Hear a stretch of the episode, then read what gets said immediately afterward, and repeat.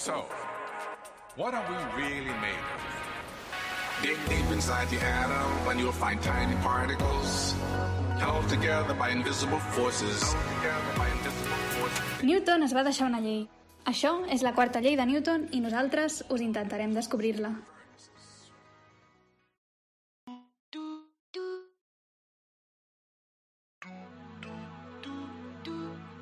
L'any 1977, la NASA va llançar la parella de satèl·lits Voyager. El Voyager 2, en particular, va ser un dels primers satèl·lits que podia assolir la velocitat d'escapament solar, és a dir, que podia sortir del sistema solar. El seu objectiu principal era estudiar Júpiter i Saturn, però la seva trajectòria li va permetre també de continuar cap a Urà i Neptú, convertint-se així en la primera i única nau que ha visitat aquests planetes. Un cop ha complert el seu objectiu principal, es va estendre la seva missió per estudiar l'espai interestel·lar, i és així com la nau ha estat operant durant 43 anys.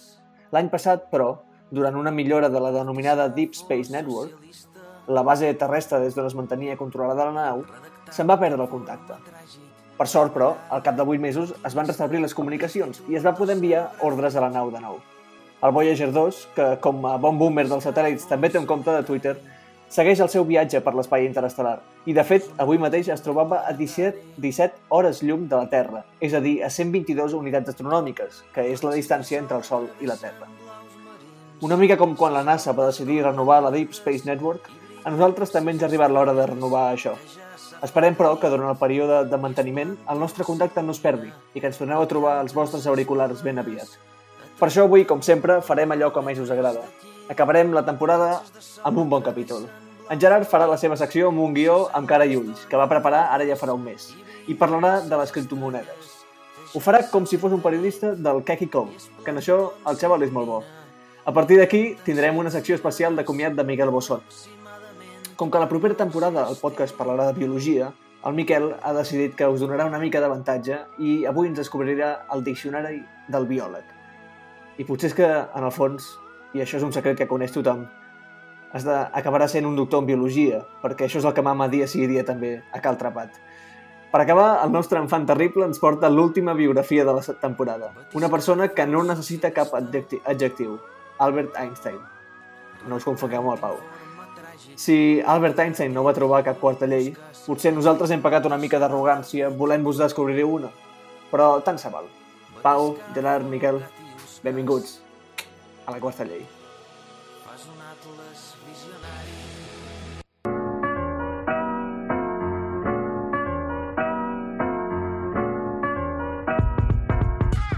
Uns paios sense ni puta idea de res, però amb més idea dels que no en tenen cap.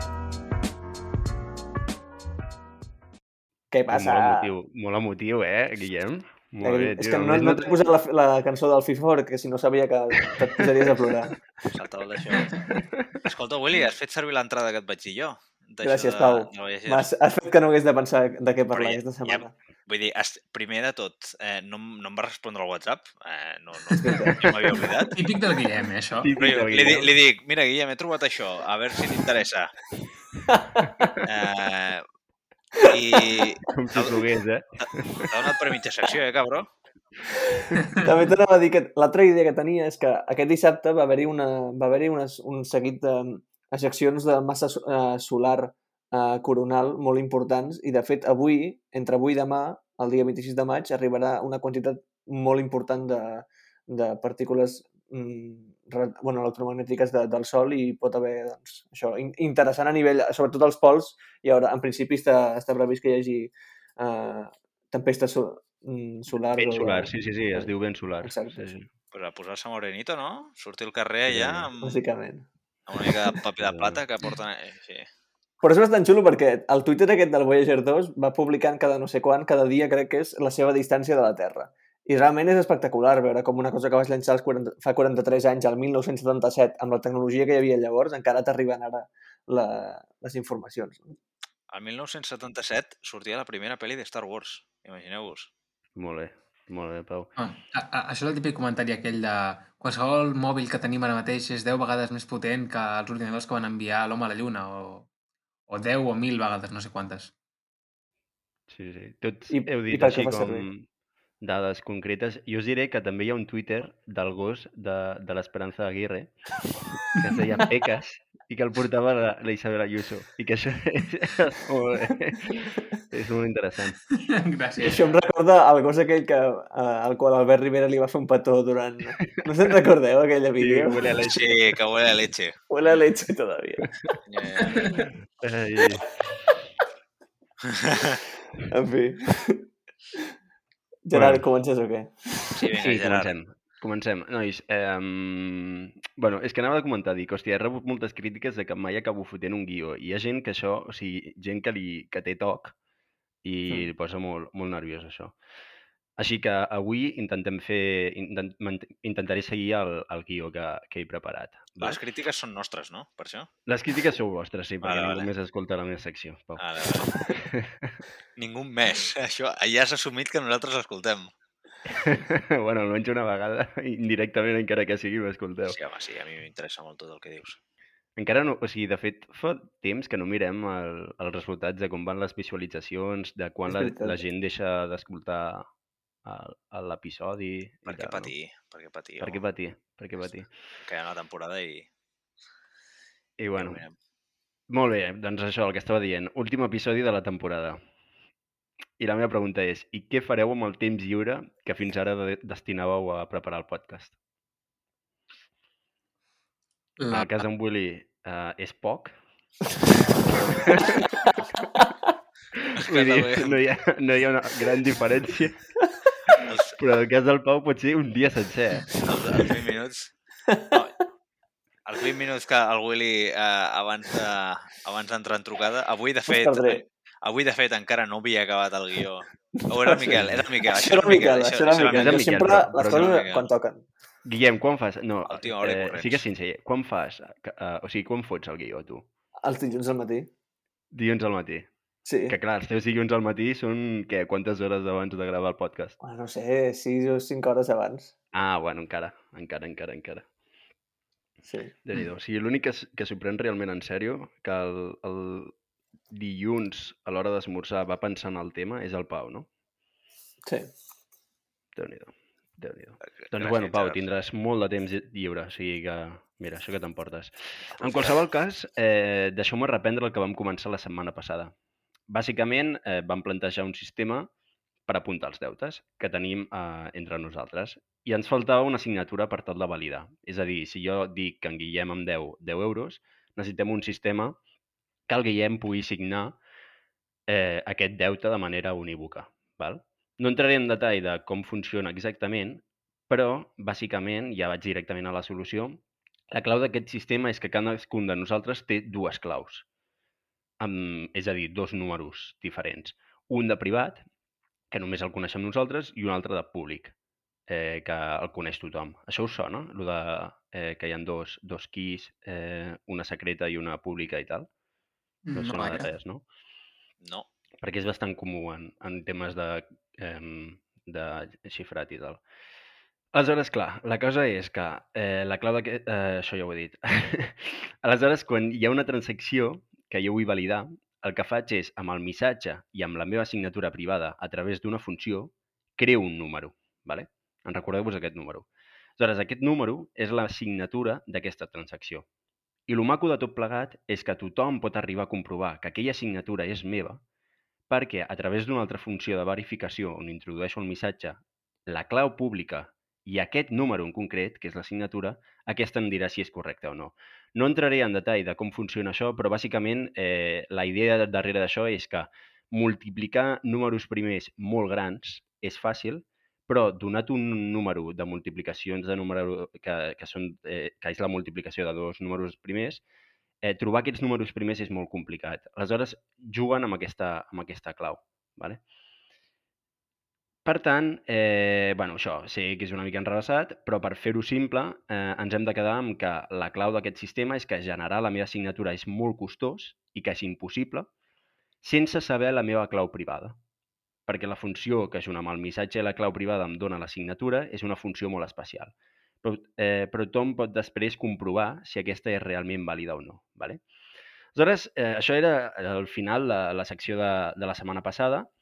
Aleshores, una vegada ja tenim una signatura digital, és a dir, ja, li puc, ja el Guillem pot verificar que aquesta transacció és realment correcta, és a dir, que si jo apunto que li dec 10 euros en Guillem i poso eh, eh, la, meva, la meva signatura, doncs ja podem dir que realment jo li dec aquests 10 euros en Guillem. Vale?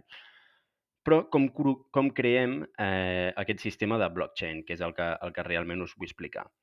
Aleshores, comencem per parts. Primer de tot, el sistema de, blo- de blockchain eh, no, es basa, no es basa en un sistema centralitzat. Vale?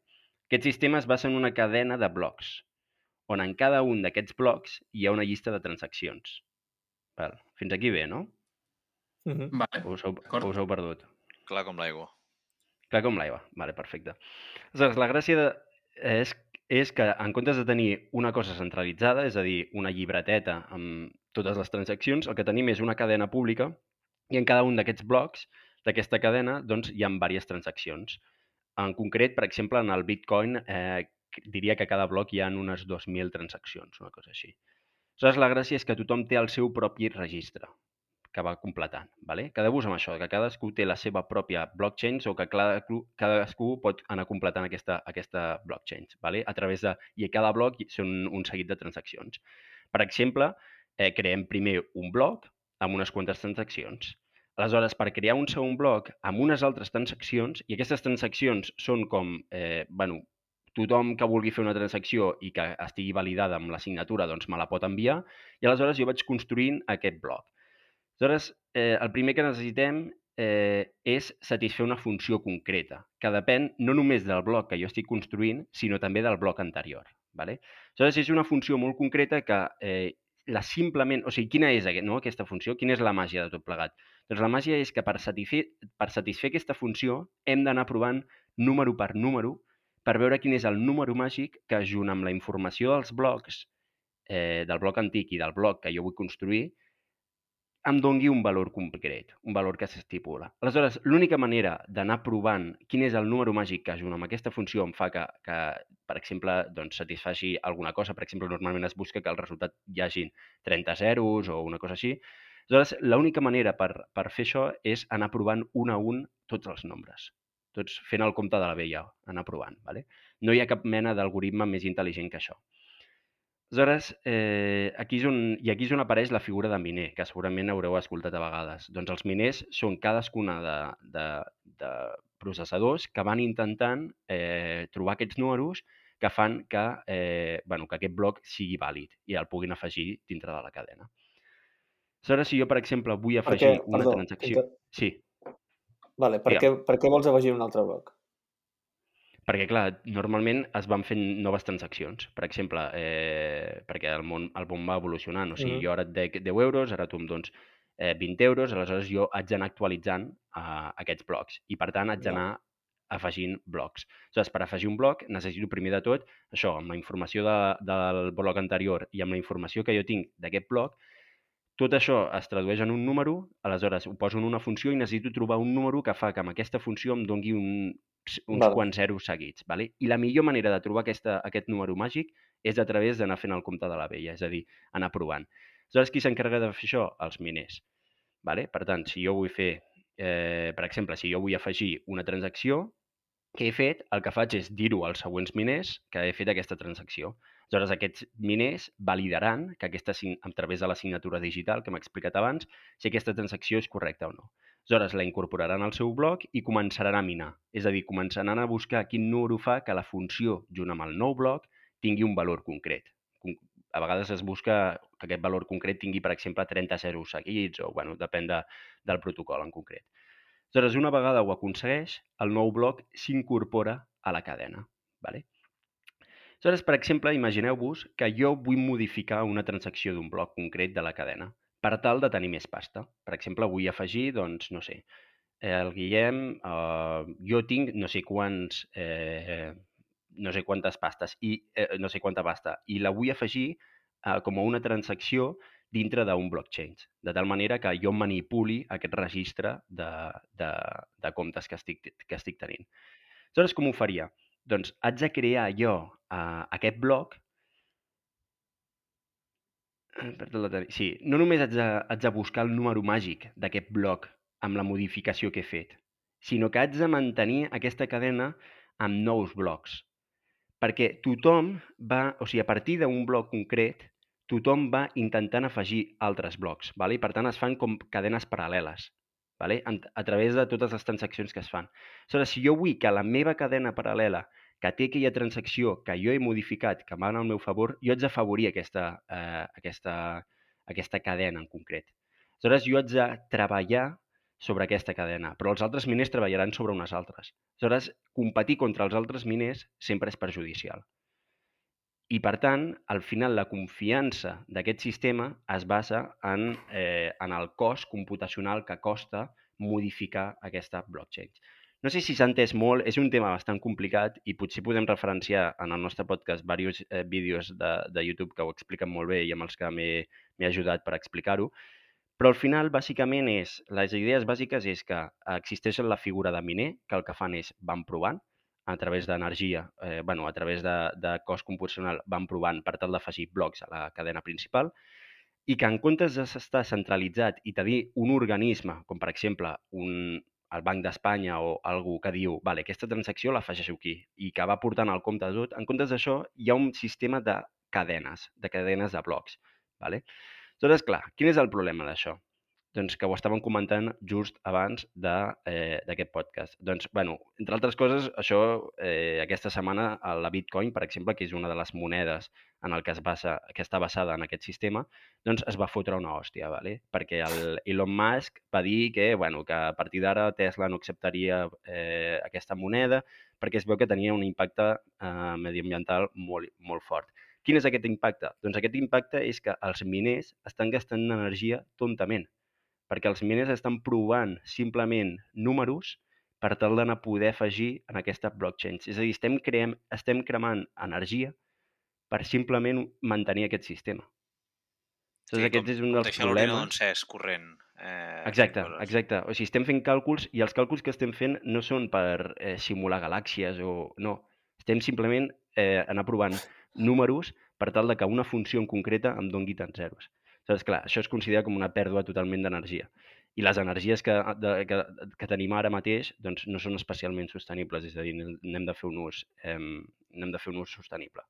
Per tant, això és una de les contres. Les altres contres és que, clar, normalment el nombre de transaccions, de transaccions que pots gestionar eh, per temps amb el sistema de blockchains és molt, molt limitat, perquè clar, cada cop has d'anar provant eh, aquests números i bueno, això porta un temps.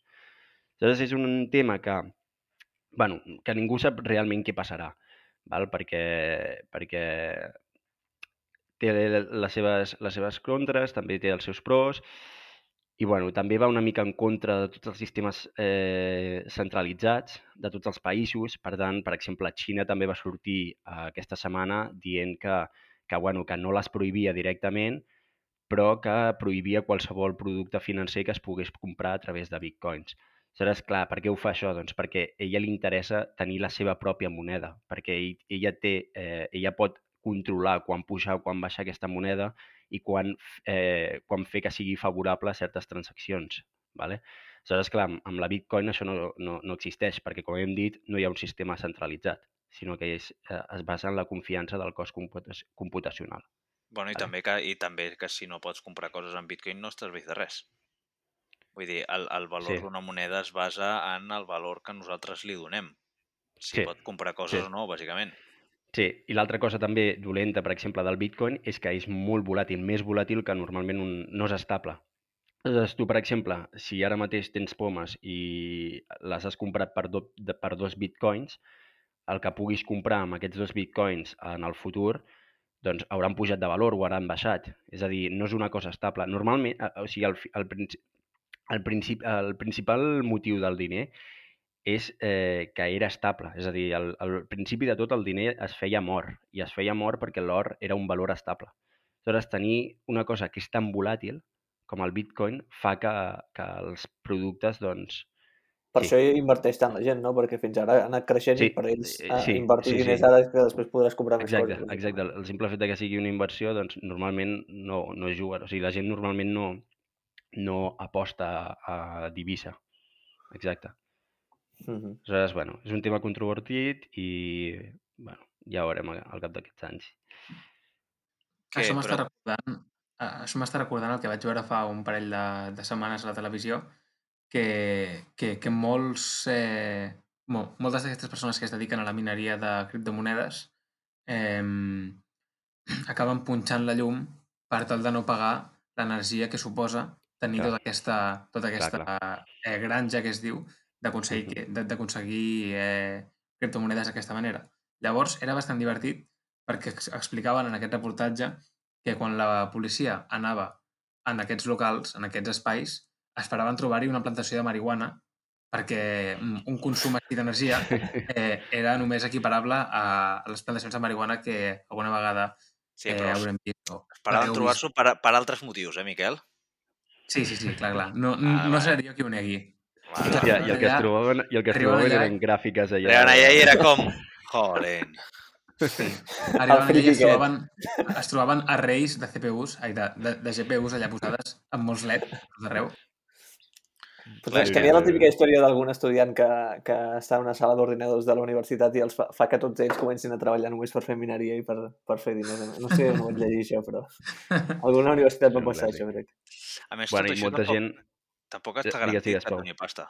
Que tam- tampoc està garantit que et doni pasta. Pots tenir un, el teu garatge corrent eh, dia i nit durant un any i, i pots no treure res d'allò. Sí, la cosa, clar, si tens tanta mala sort que, que no acabes endevinant aquest número màgic que fa que, que puguis afegir un clop, perquè el, el que no he explicat és que normalment els miners s'emporten una comissió perquè en el bloc que ells aconsegueixen eh, fotre la cadena doncs es posen bueno, doncs el valor d'aquest miner ha guanyat tant per haver fet aquest, aquest allò. Clar, aleshores el, la controvèrsia d'això és que si cada cop anem afegint més, eh, més blocs, hi haurà més bitcoins, perquè cada, en cada bloc estem donant més pasta als miners. Aleshores, una cosa guai de les bitcoins és que cada cop el valor que guanya el miner per, per afegir un bloc és cada Baixa. cop menor. Sí, perquè Sí, perquè així tens una, un, un número finit de bitcoins al cap de... Saps? Bueno, temes... O sigui, ai, ai, l'altra cosa també xula és que els autors que van proposar aquest sistema eh, és anònim. O sigui, surt, no me'n recordo el nom, però és, un, és una cosa anònima. No sé, és un tema que, bueno, que, que té molt, molt rerefons. Quins, quins vídeos vas mirar, Gerard? Jo recordo haver mirat un fa un parell de dies, l'estava buscant ara, uh, un rotllo de 5 minuts, alguna així, a, a YouTube. Uh, N'hi ha moltíssims, eh, ara. Però, sí, per exemple, per això. Mira, justament vaig acabar de fer la, la, el guió i vaig veure que el Quantum Fracture havia penjat un, un vídeo explicant molt breument en què consisteix això, però quines són les implicacions. I que estava bastant bé. Però jo, el que a mi em va agradar molt, ja ho posarem, és un eh, anglès que es diu... Eh... Hòstia. Bueno, jo, jo, tinc, jo, jo tinc un anglès que igual és un entre molts, que és un tio explicant uh, el problema que és tot això. Um, més o menys el que deies tu, que si, si aconsegueixes resoldre el problema de uh, trobar aquesta seqüència de zeros o uns que tu vols, pues, vull dir, si aconsegueixes una funció que eh, de manera consistent et retorni el que tu vols, eh, et, et fa ric, o sigui, et fas d'or, bàsicament. Sí. Uh, I explicava això per què. Vull dir, el vídeo es diu um, The Unsolved Math Problem with, which could be worth a billion dollars. Eh, crec que es diu així. Eh, un tal Matthew eh, Weathers.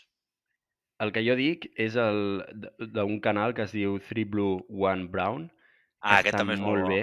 Aquest És molt molt bo el tio, o sigui, ho fot molt bé i, bueno, ja és un en concret que té de blockchains explicant que està molt bé. L'altra cosa que també, que no he explicat i amb això ja acabo, és que eh, els sistemes de codificat que, que utilitzen eh, d'encrip- d'encriptació són de RSA. Aleshores, aquest sistema d'encriptació podria estar en jaque en un futur quan es desenvolupi bé el quantum computer, perquè aleshores, eh, perquè amb el que juga això és amb el, amb el fet de, de, del que us he explicat abans, que trobar la factorització de números primers, o sigui, de, de, perdó, de la multiplicació de dos números primers, és fàcil multiplicar-ho, però trobar la factorització és complicat. En canvi, amb ordinadors quàntics, trobar aquesta factorització és molt més fàcil. Aleshores, podria, posaria en, en jaque en, en tot el sistema que coneixem. Però el del, Sí que... del problema NP està demostrat amb els, amb els ordinadors quàntics? Sí, és el, el, bueno, es pot fer molt fàcil, és l'algoritme de Shor, el que vam, el que vam estudiar, us en recordeu o no? Mm.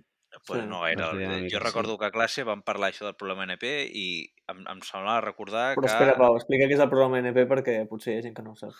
No, això, això que diu el Gerard, que eh, tens un número molt gran, que saps que és la multiplicació de dos altres Vols números. Sí, saps, saps que eh, un número de 10 xifres per un número de 11 xifres, si els multipliques, és eh, trivial trobar el resultat, perquè multipliques i ja està. En canvi, la inversa no és gens fàcil, Mhm. eh, vull dir, parlant en, en termes mundanos. El que no recordava és que ens van dir que es podia resoldre amb computació quàntica. Em, em pensava que era una conjectura o alguna així que, que deien. Això potser pot. això. Es pot, l'únic que de moment no, no hi ha, o sigui, el, els ordinadors que, o sigui, que, que hi ha disponibles, o sigui, poden factoritzar amb l'ordinador actual, poden factoritzar, o sigui, poden, poden resoldre el problema aquest, però per, per valors molt petits. Vale, vale. Però bueno, en un futur segurament eh, bueno, haurem de tornar a pensar com, com encriptem les coses i per ende, si acabem basant els nostres sistemes en, en bitcoins o en, en blockchains, doncs bueno, tornarem a tenir un problema. Per tant, eh, bueno, és un tema interessant i eh, fins aquí la, la meva secció. Passem a biologia, Miquel. El corazón que a Triana va nunca volverá. Perquè el matarà el 5G. Benvinguts a Miguel Bosón, la secció més pseudodivertida de la quarta llei. Doncs, eh, abans de començar amb la meva secció, jo diria que fem una transició cap a eh, una temàtica que sí que serveix d'algú, ¿vale? Eh, així com hem parlat de quàntica i tal, que no serveix de res, ara parlarem d'una cosa molt útil, que és biologia. Però bueno, com bé sabeu, m'agrada sempre començar amb un comentari a part, i és que eh, ara, arribats al podcast número 20, volia compartir amb els nostres oients un secret sobre la meva secció, perquè el dia que vam gravar el primer capítol eh, jo vaig anar de cul, com he anat avui, com molts altres dies, i no vaig donar per preparar la meva cançó d'introducció. Eh, al final vaig acabar decidint que deixaria una versió que tenia mitges, feta un nyap, eh, i vaig dir, mira, pues la, la posaré i ja la modificaré. I anem a ser sincers, no l'he modificada mai més, entre la manta que em fa i la repugnància que em transmet. I no només, no només això, Miquel, sinó que ningú ha reconegut la, la cançó original que intentaves fer paròdia. Clar, ah, jo, jo eh, No em sorprèn, tampoc, Això, ho comentava per això. Eh, primer, jo volia eh, expressar una mica de repugnància amb aquesta cançó eh, perquè el que sovint parlo en aquesta secció és de coses que ens haurien de desagradar. També és veritat que pensava que hi havia més gent, més oients de la quarta llei, que coneixien la cançó Sevilla de Miguel Bosé, que, que, que, que jo Eh, reconec que m'agrada bastant. És una a- cançó a bastant xula. ver. Eh, la canción está... Eh... Com t'agrada, com t'agrada, Pau.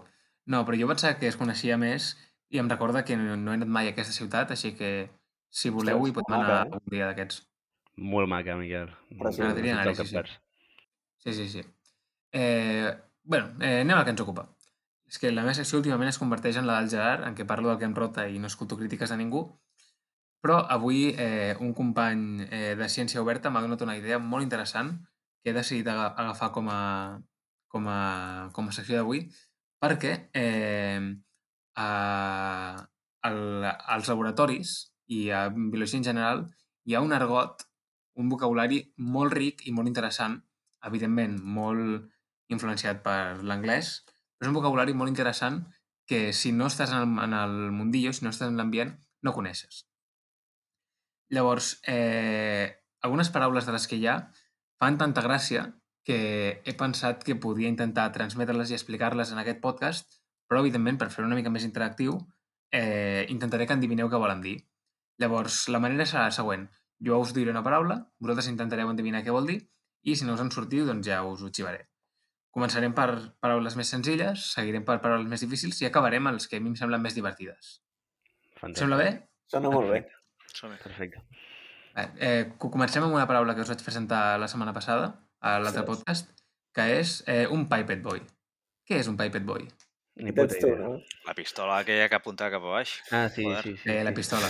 Tio, Ah, Gerard. Pistoleta. Però No dius recordo. pisto pistoleta, allò de pipetejar, o... O Però sigui, no eh, se lo diria pipeta, allò, de tota la vida. no, no. La, la pipeta és el que introdueixes al pipet boy I llavors amb el David Boy és amb, amb el que xucles, o sigui, amb el que aspires i expires per, Ah, per Gerard, xuclar amunt i avall. El Pipet Boy és aquella cosa que tu amb 8 anys agafaves, omplies d'aigua i al pati del col·le n'hi anaves a tirar a tothom. Saps? El, el que passa que si el pitorro estigués doblegat cap a baix, apuntant cap a baix, saps?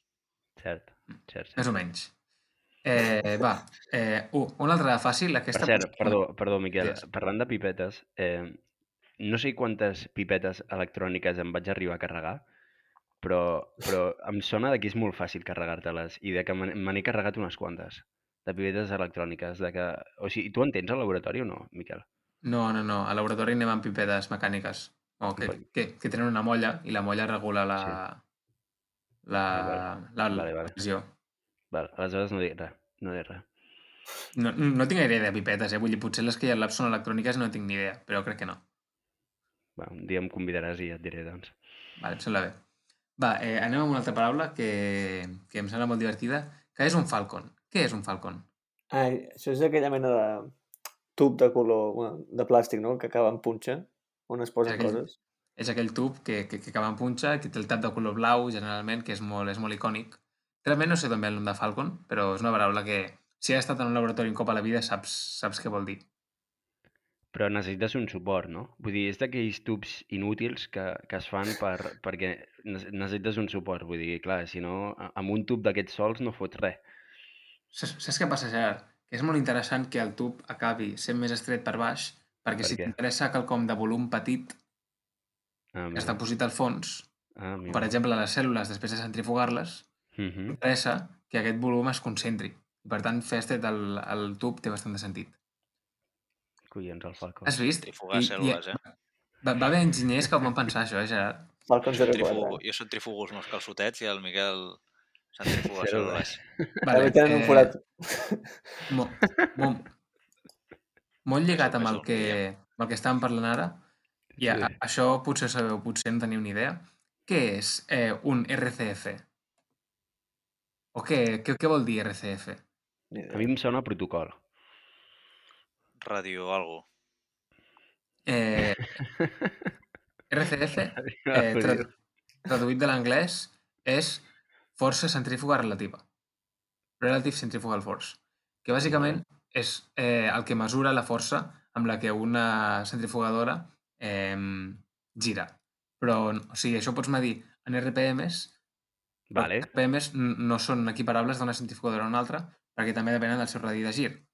I llavors l'RCF Ah. és el que es mesura en Gs. El típic allò de, aquesta Ah. centrifugadora arriba a 100 Gs. Doncs això és, és l'RCF. Hòstia, 100 Gs? Arribeu? N- No és gaire complicat, crec. crec no, no, no em preguntis gaire. Però crec que, crec que 100 Gs no és cap cosa estranya. Vale, eh, seguim amb la següent. Què és un buffer? Hòstia. Això Allò jo diria que és... no? Així, overbuffer, no? O sigui, Allò que ho peta molt, allò que quan vas a un, a un festival t'has d'allunyar, perquè si no, ojo, les vibracions... Això és un bafle, tio. Ah, un bafle. Ah. Però, ah, no, no. Vale, ara t'anava a dir un, un baf... Un, Un buffer és, és com, un, com un magatzem, no? O sigui... i un No és waffle és un... És un gofre. M'encanta, m'encanta. No esperava menys d'aquesta secció, això és el que volia. No és una solució, és? Miquel, és un tipus de solució, no? On, on, o Sí. sigui, és el que poses per menjar, perquè mengin les cèl·lules, una cosa així, o no?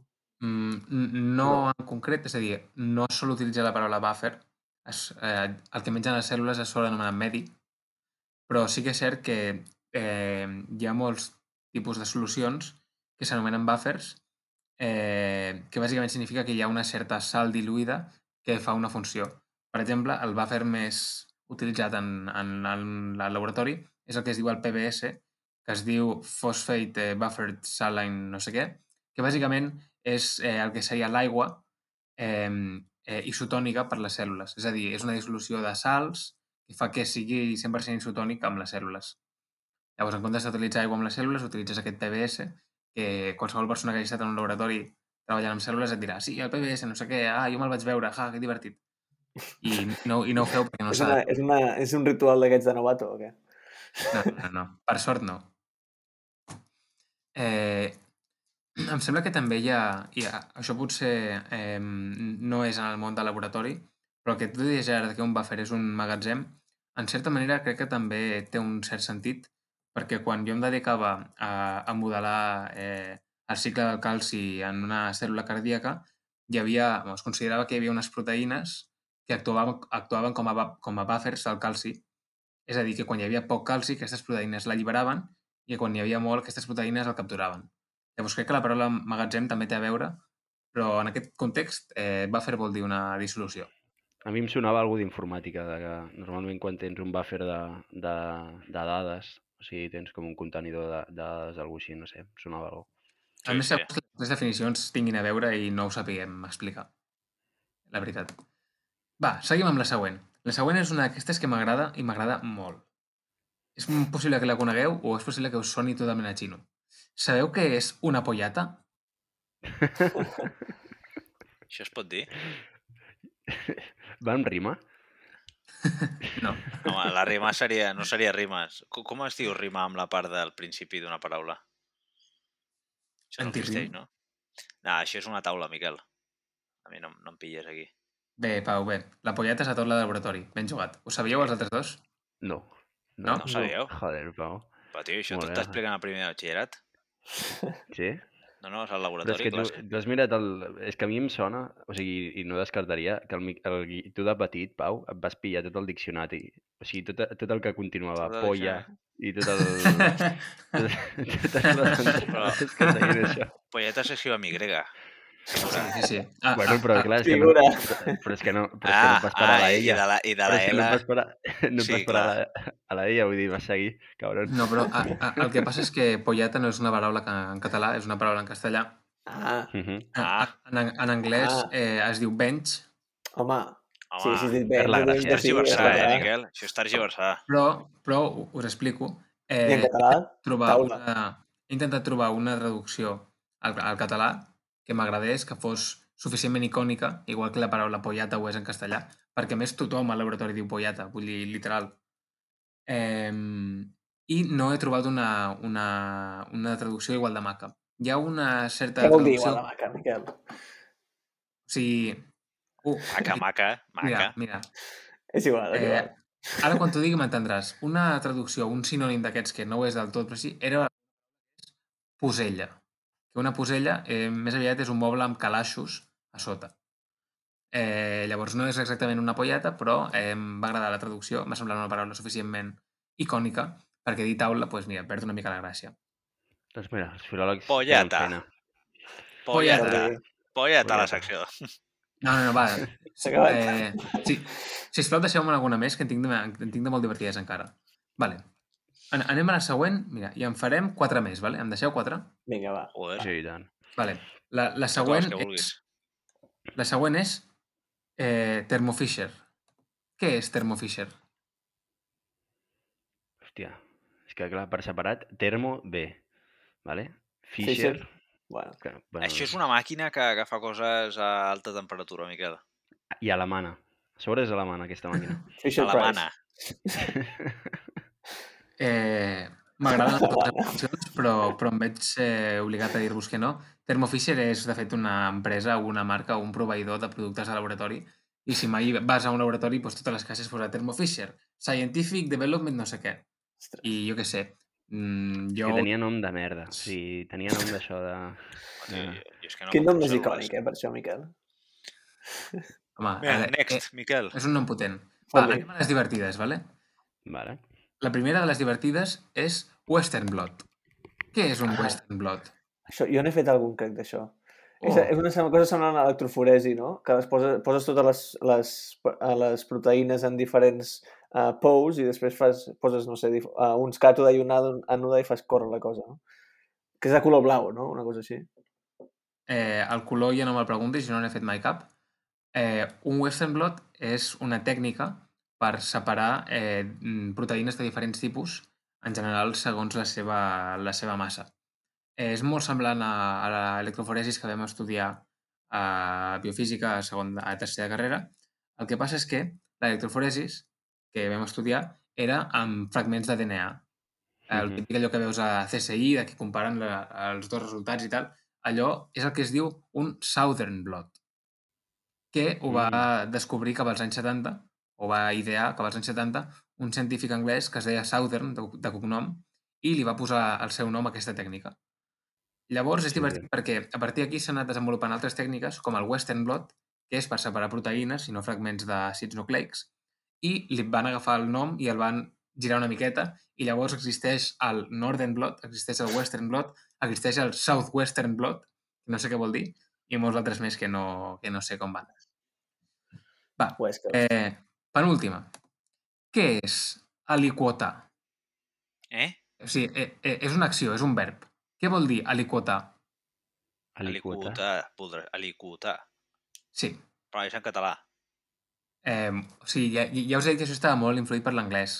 En el fons, això no sortirà ni al DIEC ni a la RAE. Però és una paraula que tu vas al laboratori i et diran tres vegades cada dia. No sé, serà, doncs. La paraula en, en anglès és aliquote. No sé, fer-ho més líquid o què? És el que sona. Ah, Eh? sí, és més És idea. el que sona, és el que sona. Ali... Sí, sí, la veritat és que no he arriscat gaire. No? Ni idea, Miqui. Sorprèn. Pau, no ho busquis, que ho estàs buscant, perro. No, no, ho estic Que buscant. no, ho estic no, buscant, no, ho estic buscant. Els ulls, Estàvem- els Està ulls es llegint, un està cantó a llegint. l'altre.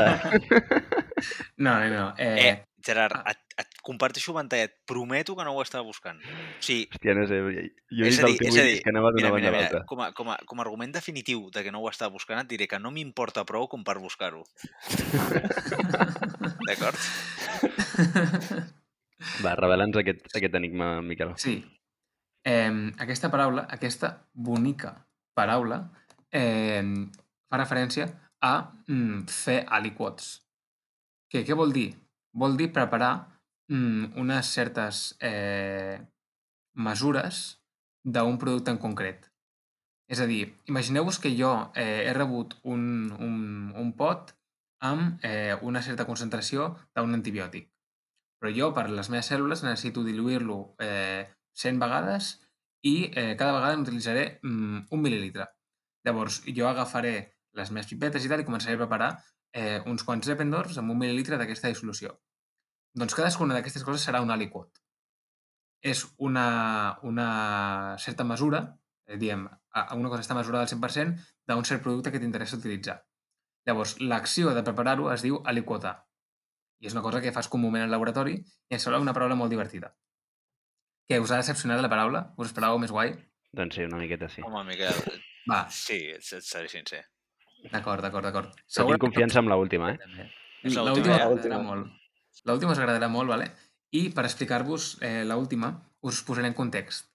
Eh, jo, quan vaig arribar en el meu grup d'investigació, eh, no tenia ni idea de, de biologia en general.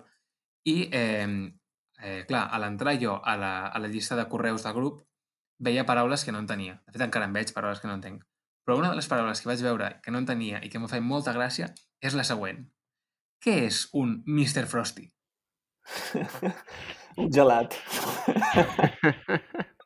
Sí, sona, sona a, a, a gelat. Va, això sona a cosa amb la qual no et vols despertar la cara després d'una festa pel matí. Sí no? No tinc ni idea de què pot ser, eh? però, però sona a això. És que el míster davant que hi va, o sigui... Sí, Mr. Frosty, Sí, és que... Míster, o sigui que no és, saps? Vull dir que no... Qui és míster? Sí, sí, sí, sí. Sí, a mi em feia molta gràcia perquè deia Ei, eh, sisplau, no, trobo- no trobo el Mr. Frosty, algú em pot dir on l'heu deixat? I clar, feia gràcia imaginar-me a un petit ninot de neu guardat a un costat de laboratori. És el... Molaria que fos el. PI, saps? Diu, Eh, em, em sap molt de greu, però un Mr. Frosty és eh, una, una eina, un objecte eh, que s'utilitza per congelar les teves cèl·lules a temperatures criogèniques. Bàsicament és una mena de, de got en el qual tu hi poses els teus vials amb les teves cèl·lules que vols congelar a menys 80 graus, però aquesta congelació eh, a menys 80 graus, si ho fas directament anant a posar les teves cèl·lules, els teus vials, a aquest congelador, el congelador on hi ha les vacunes de Pfizer i tal, doncs també hi ha eh, Mhm. aquestes cèl·lules. Si ho poses directament allà, el problema és que la, eh, la cristal·lització, la congelació, és molt eh, inhomogènia i pot resultar en, eh, en, en mort cel·lular eh, indesitjada. Llavors, el que es fa és omplir aquests Mr. Frosties, aquests gots, amb alcohol isopropílic. Aquest alcohol eh, s'assegura de que la baixada de temperatura és constant eh, en el, en a, a dintre del vial amb les teves cèl·lules. Concretament baixa en més o menys eh, un grau per minut. Llavors, amb, l'ajuda del Mr. Frosty et pots assegurar de que les teves cèl·lules queden ben congelades i que quan les descongelis, gairebé totes estaran vives. Què us ha semblat? Que curiós. Molt Que interessant. curiós. Una mica. O sigui, al principi mataves totes les cèl·lules i després, gràcies al, al Mr. Frosty aquest, doncs... No, no, no, no. O sigui, a, a mi em van dir, mira, Miquel, això és Mr. Frosty i com no l'utilitzis no podràs replicar els experiments. Ui, vale, pues ja, ja ho faig servir, no patiu. Molt bé, molt bé. Em... Perfecte. Tu, digues, digues. Vull dir que a, a tot això us pensareu que Mr. Frosty és una paraula del meu laboratori, però no, no, no, literalment la Thermo Fisher ven els Mr. Frosties, i es diuen Mr. Frosty, us ho prometo. I Increïble. ja està, eh, feu el que vulgueu amb la meva secció. Doncs, el bé. No, passem la secció del Pau, perquè si no això durarà Sí, una hora i mitja. sí. avui. Deixa'm dir que el catxondo de, de l'equip de màrqueting de Thermo Fisher es va coronar posant Mr. Frosty i això i, i ara tots els científics utilitzen. Vinga, va, som Vinga, som-hi. El quadern de Pitàgores, perquè tots els genis tenen les seves coses. Benvinguts, benvinguts i benvinguts. Ah, sigueu tots a la secció on, de la mateixa manera que un quadern de bitàcula, explicarem tot tipus d'anècdotes que han passat a científics i científiques. Després d'aquest fanservice biològic tan descarat del Miquel, eh, hi ha moltes coses a dir i poc temps. Uh, per començar, ens trobem a l'últim episodi de la temporada del podcast. Que ràpid ha passat tot, eh? També, també, també és bastant possible que el quadern de Pitàgores eh, hagi agafat una malaltia terminal i no en sentiu a parlar més. El temps ja ho dirà. Això sí, podrem dir, sempre ens quedarà Pitagores. Pitàgores. Ah, per compensar, per compensar, us duc una secció carregadíssima d'emoció, amor, luxúria, traïció i alguns jueus. No patiu, però, que això no és la franja de Gaza. Oh, Uh! molt ben tirada, eh? Bé, avui toca parlar de l'omnipresent, omniscient i omnipotent, amb U, Albert Einstein. Qui deu ser el científic més conegut um, ever i possiblement el més incomprès. És l'home que et cida el teu pare comptable quan li dius que vols estudiar física, o el sobrenom que se li posa a un nen o nena amb altes aptituds intel·ligentesques amb ànims de voler-ne fer burla per, 30 anys més tard, estar-se preguntant si les llaunes de tomàquet caducades van davant o darrere del prestatge i no voler-li preguntar al jefe perquè ja li creus prou malament, però desgrava tenir-te treballant al Condis Express. En Tan definitiva, llarga aquesta frase que ja m'he perdut, eh? era una com- complexa, com- Willy. Era, era, per, avui, eh? era per despertar els, els oients que s'hagin adormit pel camí.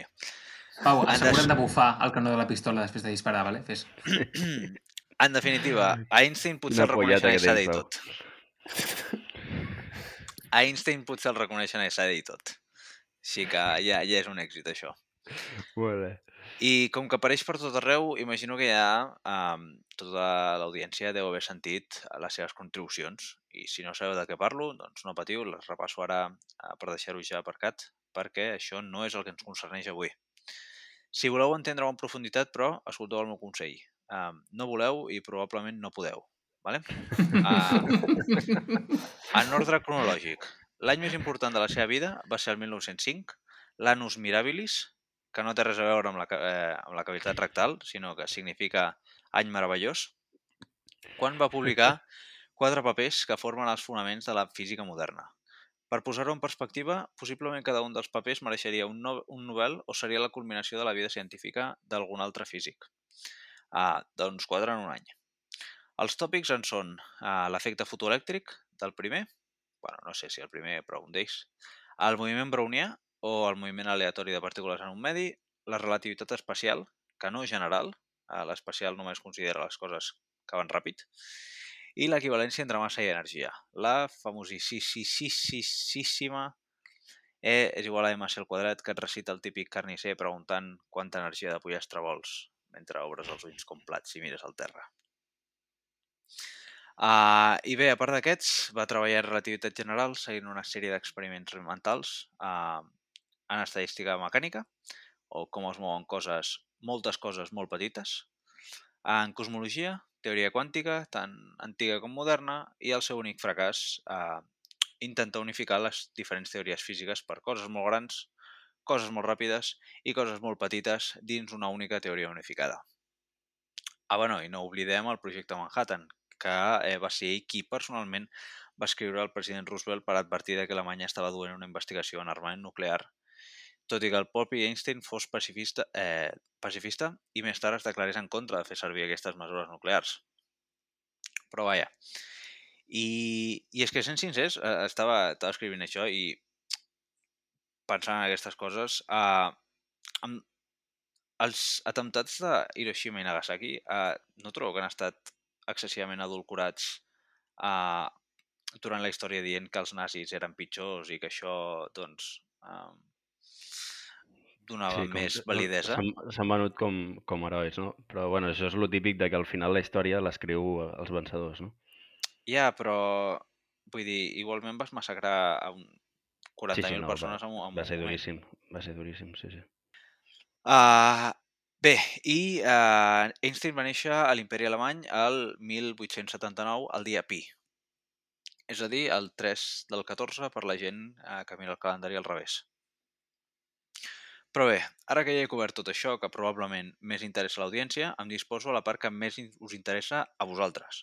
Uh, arriba l'hora d'anar a rentar la roba a la voreta del riu, arriba l'hora dels safarets de Pitàgores. Avui, avui us duc un cistell ple de roba perquè en tenim per estona. Bé, Molt tot i que tradicionalment s'hagi dit que Einstein no era gaire bo a l'escola en matemàtiques o física, això és una bola, una bola que, que es va inventar la- l'amiga Hermínia. Uh, I tot i que la resta d'assignatures no destacava massa, estava indiscutiblement dotat per aquestes dues. Així que us hauríeu d'inventar una altra excusa per posar-li a la nena quan torni a un teràpia mateix. Uh, I seguim. I és que, que no sabeu que després de passar els exàmens d'entrada a la Politècnica de Zúrich, un professor el va acollir a casa seva perquè es formés un any més i intentés, a, intentés tornar a fer els exàmens. Doncs Einstein, per donar-li les gràcies, es va enrotllar amb la seva filla gran, eh, de nom Marie, i van estar junts alguns anys. Mira. Per cert, per cert, aquest període va solapar, va solapar amb el temps on va conèixer a Mileva Maric, cap al eh, 1896. La gran Ostres. oblidada, la pobra ànima que queda darrere de tants descobriments. Um, de fet, la història de Mileva dona per una secció per si sola, però ho resumeixo així molt ràpid. Era l'única dona en una classe de física a Zúrich tan brillant que el mateix Einstein s'hi va enamorar. Va néixer a Sèrbia volia, i volia trencar els estàndards de la societat sobre les dones a la ciència. Tristament, però, va ser eclipsada per, per l'Einstein, qui suposadament va ajudar a, amb els, a qui suposadament va ajudar amb els papers de l'Anus Mirabilis i qui va ser, eh, qui va ser acabat sent deixada de banda en els anys posteriors. Però no us perdeu això. Molts anys més tard es va descobrir que per les cartes que s'enviaven la Mileva i, uh, i l'Einstein van tenir un fill el 1902 a Sèrbia. La filla no va tornar amb la Mileva a Suïssa, pel que se sospita que o bé la van donar en adopció o va morir per uh, escarlatina. Ostres. Fiebre escarlata en castellà. En fi, la parella es va casar el 1903, d'acord? I l'any següent van tenir el seu primer fill, Hans Albert. Una mica més tard, el 1910, mentre la Mileva estava embarassada de nou, l'Einstein li escrivia cartes a la Marie dient que la trobava a falta i que se sentia l'home més, del, més desgraciat del món. O sigui, tu te creus? Però resulta, resulta que la seva relació que ja en picat, fins al punt en què Einstein li va passar una sèrie de normes que ella havia de complir per continuar el matrimoni Què entre dius, les, ara? quals, entre les quals hi havia disposar sempre de la seva roba en ordre, tenir tres àpats diaris servits o abandonar l'habitació de manera immediata quan ell ho ordenés. És més, Einstein els va obligar a mudar-se a tots a Berlín, a tota la família, perquè allà hi vivia la seva cosina Elsa, amb qui havia començat una, Ah, roba, una, roba, una nova relació romàntica. Què dius, ara? D'acord? I totes aquestes coses passaven alhora, eh? Uh, Mileva va tornar de seguida a Suècia i es van a Suècia, uh, a Suïssa i es van divorciar el 1919. I els papers del divorci, ell li deia a ella que li donaria la meitat del Premi Nobel que estava segur que guanyaria. I efectivament, dos anys més tard, allà el tenia. I li va donar? Sí, sí, li va donar la meitat que, Ah, li, que li pertocava. Es va casar amb, amb Elsa el mateix eh, 1919 i al cap Pensa de que és la res... cosina. Sí, és la cosina. I al cap de res es va enamorar d'una secretària. De Wow. fet, a les seves cartes eh, apareix la figura de fins a sis dones diferents amb les quals hauria mantingut relacions mentre estava casat amb l'Elsa. Fins i tot, fins i tot, després d'ella morir el 1936, va sortir un temps amb una espia russa que es deia Margarita Konenkova, qui intentava filtrar la seva feina al govern soviètic. I és que, home, Albert, a vegades s'ha de dir que no, eh? Uh, I, però I abans no de hi havia Tinder, eh? No hi havia... Imagina't. Imagina't. No, però ell no, no necessitava Tinder. També és cert. Abans de deixar davant del tema familiar, però, el seu segon fill va ser diagnosticat amb esquizofrènia amb 20 anys, eh, bastant dur, la veritat, i eh, li va dir a son pare que l'odiava i ja a partir d'allà no, no el va veure mai més. I què se n'ha Va fet, eh, tio? Va estar... n'ha Uh, no, la, la Mileva el va, el va estar cuidant fins que, fins que va morir ella i, i després el xaval es va passar tota la vida a centres psiquiàtrics fins que, fins que la va palmar d'alguna cosa d'aquestes. Uh, una història trista, la veritat. Però bueno.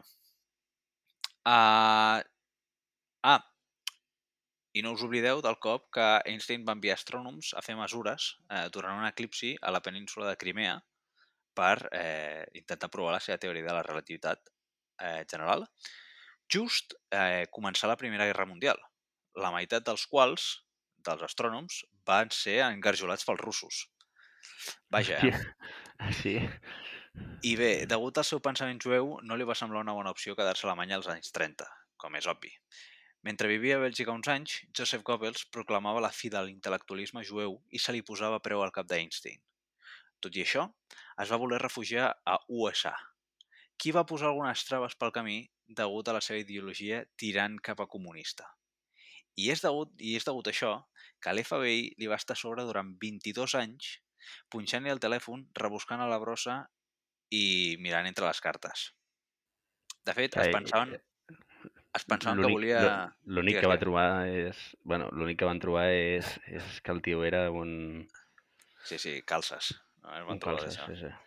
Es pensaven que estava intentant construir un raig de la mort. Uh, però bueno, ja, m'imagino també que la, que la vida amorosa de l'Einstein devia ser tema de conversa als sopars d'empresa al, a l'FBI. Anàvem parlant de tot això. Però bueno, uh, els anys van anar passant i una mica abans de la seva mort, el 1952, el primer president d'Israel va morir. Com que és un tema bastant actual tot això, suposo que uh, sabreu alguna cosa del, movi- del moviment sionista? I si no, ja us ho dic jo. Reafirma el dret dels jueus a ocupar el territori d'Israel, d'acord? Que va ser seu fa tant de temps i que, bé, és seu per dret i tot això. Doncs com Einstein hi compartia una mica d'afinitat, algun pallasso del govern d'aleshores se li va acudir que, que era una bona idea que fos eh, president d'Israel. Eh, li van enviar una carta i, òbviament, ell ho va rebutjar.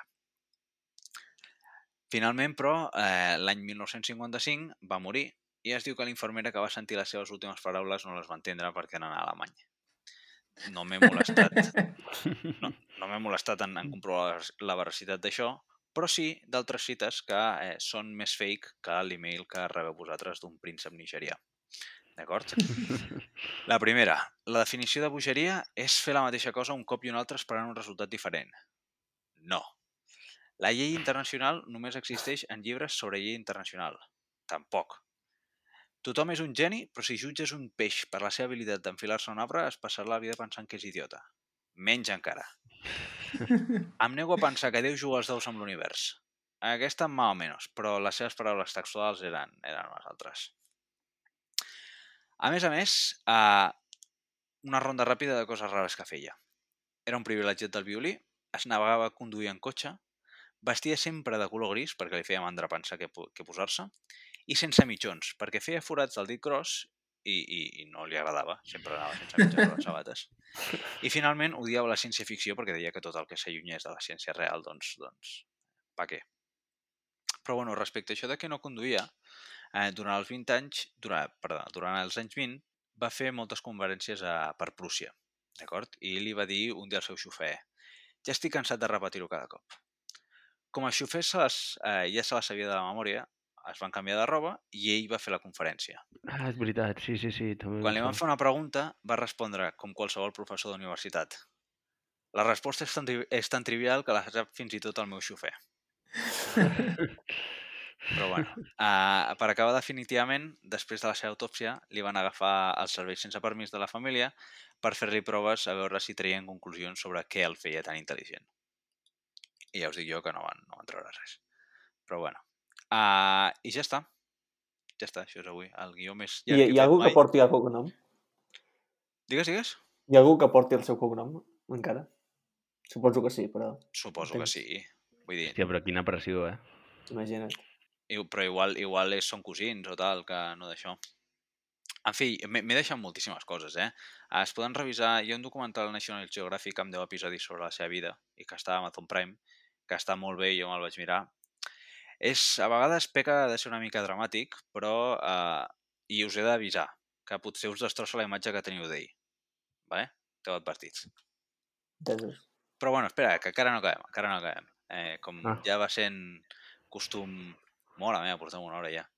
Com ja va sent costum per acabar bé, per acabar bé la temporada. Com ja va sent costum als uh, podcasts que acaben amb zero, excepte el zero, bueno, perquè no hi ha, uh, us porto el segon quiz amb preguntes corresponents als podcasts del 10 al 19. A veure com d'avispats esteu avui. Vale? Vinga, Molt bé, molt bé. Vale, vinga, primera pregunta. Aquesta va pel Willy, d'acord? Si, situa't a l'episodi 14, on vaig parlar de cinc dones que havien contribuït a la ciència, d'acord? Una, un especial 8M. I eh, doncs que aquestes dones havien quedat en segon pla. Quina de les següents era una d'elles? cabron. Primera, l'alcaldessa de la gent, la molt honorabilíssima Ada Colau. La segona, Henrietta Swan Leavitt. La tercera, Lise Meitner. O la quarta, Tan Ya Ping. Pots dir les, la, la segona i la tercera una altra vegada, sisplau? Henrietta Swan Leavitt, Lise Meitner. O Estic entre aquestes dues i jo diria que és la segona, però no ho sé. L'Henrietta? Henrietta Swan Leavitt? Resposta final? No, la tercera. El Miquel diu que no, és la tercera, doncs. és La tercera, doncs? Sí. Foli. Molt bé, molt bé. Oh, Gràcies, Miquel. No, la hòstia, segona, eh? Bé. Salvada de. Miquel. Bueno, ho sento, bueno, no pensava que li donaria, su- eh, que li donaria solució a canviar, Pau. No, però vull dir... A veure, Miquel, si ets mala persona no, no és culpa meva. Pobre Willy. En fi, uh, t'anava a dir, la, la, de la, la de la Xina aquesta pensava que cauries, eh? Perquè... Perdona, xinesa. Uh, L'he buscat en un, en un random generator de noms, he posat... Uh, genera'm un nom fem, de femení xino. I m'ha sortit aquest. Pensava que hi cauries. Perquè també, també vaig fer una, una xinesa en, en, aquell, en, en el Cert. podcast 14. Vale, vinga, segona pregunta. Miquel, parlant de Diane Fossey, em vaig referir a un grup de tres dones que feien estudis paleoantropòlegs per arreu del món. Aquestes són Jane Goodall, Virute Caldiques i la mateixa Fossey. Quin sobrenom duia el grup? 1. Trio Calavera. 2. Aquest. 2. Cock 3, rotllo coc de COG, en referència a ximpanzís, orangutans i goril·les. Àngels de Liki, pel jefe del grup, que es deia Liki. O Tres Cimiteres, que és uh, l'equivalent, la traducció a Three Ap- Ape Tears, en anglès. Uau, no me'n recordo, però aposto per... Estan, ben buscades, eh, Pau? Estan ben Què dius. Miquel? Jo aposto per Cock 3. Trio Calavera, Cock 3, Àngels de Liki, Tres Cimiteres. Ojo, el- puc. el trio Calavera- hi ha rebote o no? Hi ha Trio rebote o no? Calavera... No, no hi ha rebote, Willy. No hi ha rebote. Miquel, Cock 3? Sí, vull dir, sé que no està bé, però és igual. Doncs, efectivament, no està bé. És uh, Àngels de Liki. Els Àngels de Liki. Molt bé. La sabies tu, Willy. No sé, si et dic que sí, tampoc com sabràs si ho Ja, sé. ja, ja. Bueno, vinga, Vale, va, feliç. anem, anem a l'última. Anem a l'última, Gerard. Uh, com jo vaig explicar en el seu moment, Ada Lovelace era una aristòcrata que gaudia de les festes amb l'alta societat europea. A qui de les següents persones va conèixer en una d'aquestes? 1. Michael Faraday 2. James Clerk Maxwell 3. Carles, Pu Carles Puigdemont o 4. Jack l'Esbudellador. Què has dit? Què has dit, la, la quarta? Jack l'Esbudellador. Em Jack sona que és. Em sona que és Faraday. Repeteixo? No, Michael no, no, Faraday, Clerc Maxwell, Carles Puigdemont o Jacques Lesbudellador? la primera, la primera. No sé per què em sona que és la primera. Sí, Faraday? Sí. Ai, l'he encertat, Pau, que fot correcte, ràbia. molt bé, Gerard, correcte, molt bé, molt bé. Molt bé, molt bé. Ah, T'havia posat dos, realment tenies dues opcions, era un 50-50. No, però l'he tingut clara des del principi, eh? L'has tingut anar des del principi, molt bé. Sí, sí. Mira, I eh, aquí he dit alta d'abans... societat europea, però realment era, era britànica. Anava a dir belga i feia la broma del Puigdemont. sí, sí. Jo, jo tornant a lo d'abans, veus? Esbudellador em sembla una paraula bonica, una paraula amb presència. Molt bé, Està, està guai. molt bé, Mike. No. Doncs passarem, passarem nota No és com a. Diec. És com, com el tio Miquel. Molt bé. Molt bé, Pau. Et sembla bé si ho matem aquí o tens alguna cosa més a dir? O Ah, què? només he dit tres Ah. preguntes, Pau. Voleu més? Jo us en No, preparo no. més. Jo us en preparo més, si voleu. No, no, tranquil, es ja ho deixem per la és següent que, és que temporada. si no. rotllo, ja he ocupat, he fet el guió més llarg que he fet mai sense les I has preguntes. pensat, i has pensat, què collons? Anem a fer tres preguntes més. Doncs pues mira, Pau, fem una cosa. Pensa més preguntes i les posem a Twitter i a Instagram. Vale, vinga. Vale. No, però, però això, això és trampa, perquè com m'asseguro jo que la gent... Eh, no Dit això? Bona fe, perquè, He vist perquè que han baixat els escolten- seguidors, eh? Estem baixant Hòstia. seguidors, això no pot ser. Hòstia. Estan suscitant els seguidors. Bueno, nois, què? Mm, crec que és Bueno, moment ja- de deixar-ho sí, aquí, ja no? sent hora, ja va sent hora d'anar a Ha dormir. Sí, estat, un... sí, sí. ha estat maco, no, per això? Ha estat maco, el Sí. camí ha sigut, ha sigut maco. Ara hauríem de dir que això no és, no és un- adeu, sinó un hasta luego, no? Està, està un Yes, ratito, yes. eh? Bueno, com sí, sempre, ja veurem. moltíssimes gràcies a la Núria, perquè clar, Sí, això també, sí, sí, tampoc hauria estat fa- possible sense ella. Tu, escolta, però fa farem un, farem una, un, un especial Un estiu. especial estiu. Si ve Mm, el senyor potser sí, potser um, sí. Dani Crespo, Ostres, Mm. fe- felicitem-ho des d'aquí, felicitats. si vol venir el Sí, que nou no rector aquí a comentat, parlar, no ho hem comentat. Però podríem fer Jo una em poso sèrio, eh? Jo em, Sí, jo em sí, poso no. una, jo, una corbata. Si m'ho demana ell, em poso una corbata i, i l'entrevisto Podríem, podríem fer un especial, eh? El convidem aquí i, i a veure què ens explica. Jo crec que estaria molt bé. Però hauríem d'anar a un, a un, a un estudi. S'ha de fer Sí. bé, home, que és el senyor Sí, s'ha rector. de fer bé. S'ha de fer bé. Senyor rector. Però bueno, Això que també, que també ens ho diguin els nostres oients, nois. Exacte. Voleu Sí, una sí. entrevista al rector de farem un ¿Cuántos likes y lo hacemos? 5.000 likes y comparte con tus amigos. Vinga, abans que t'agradi més aquesta conversa, tanquem aquí. que vagi molt bé.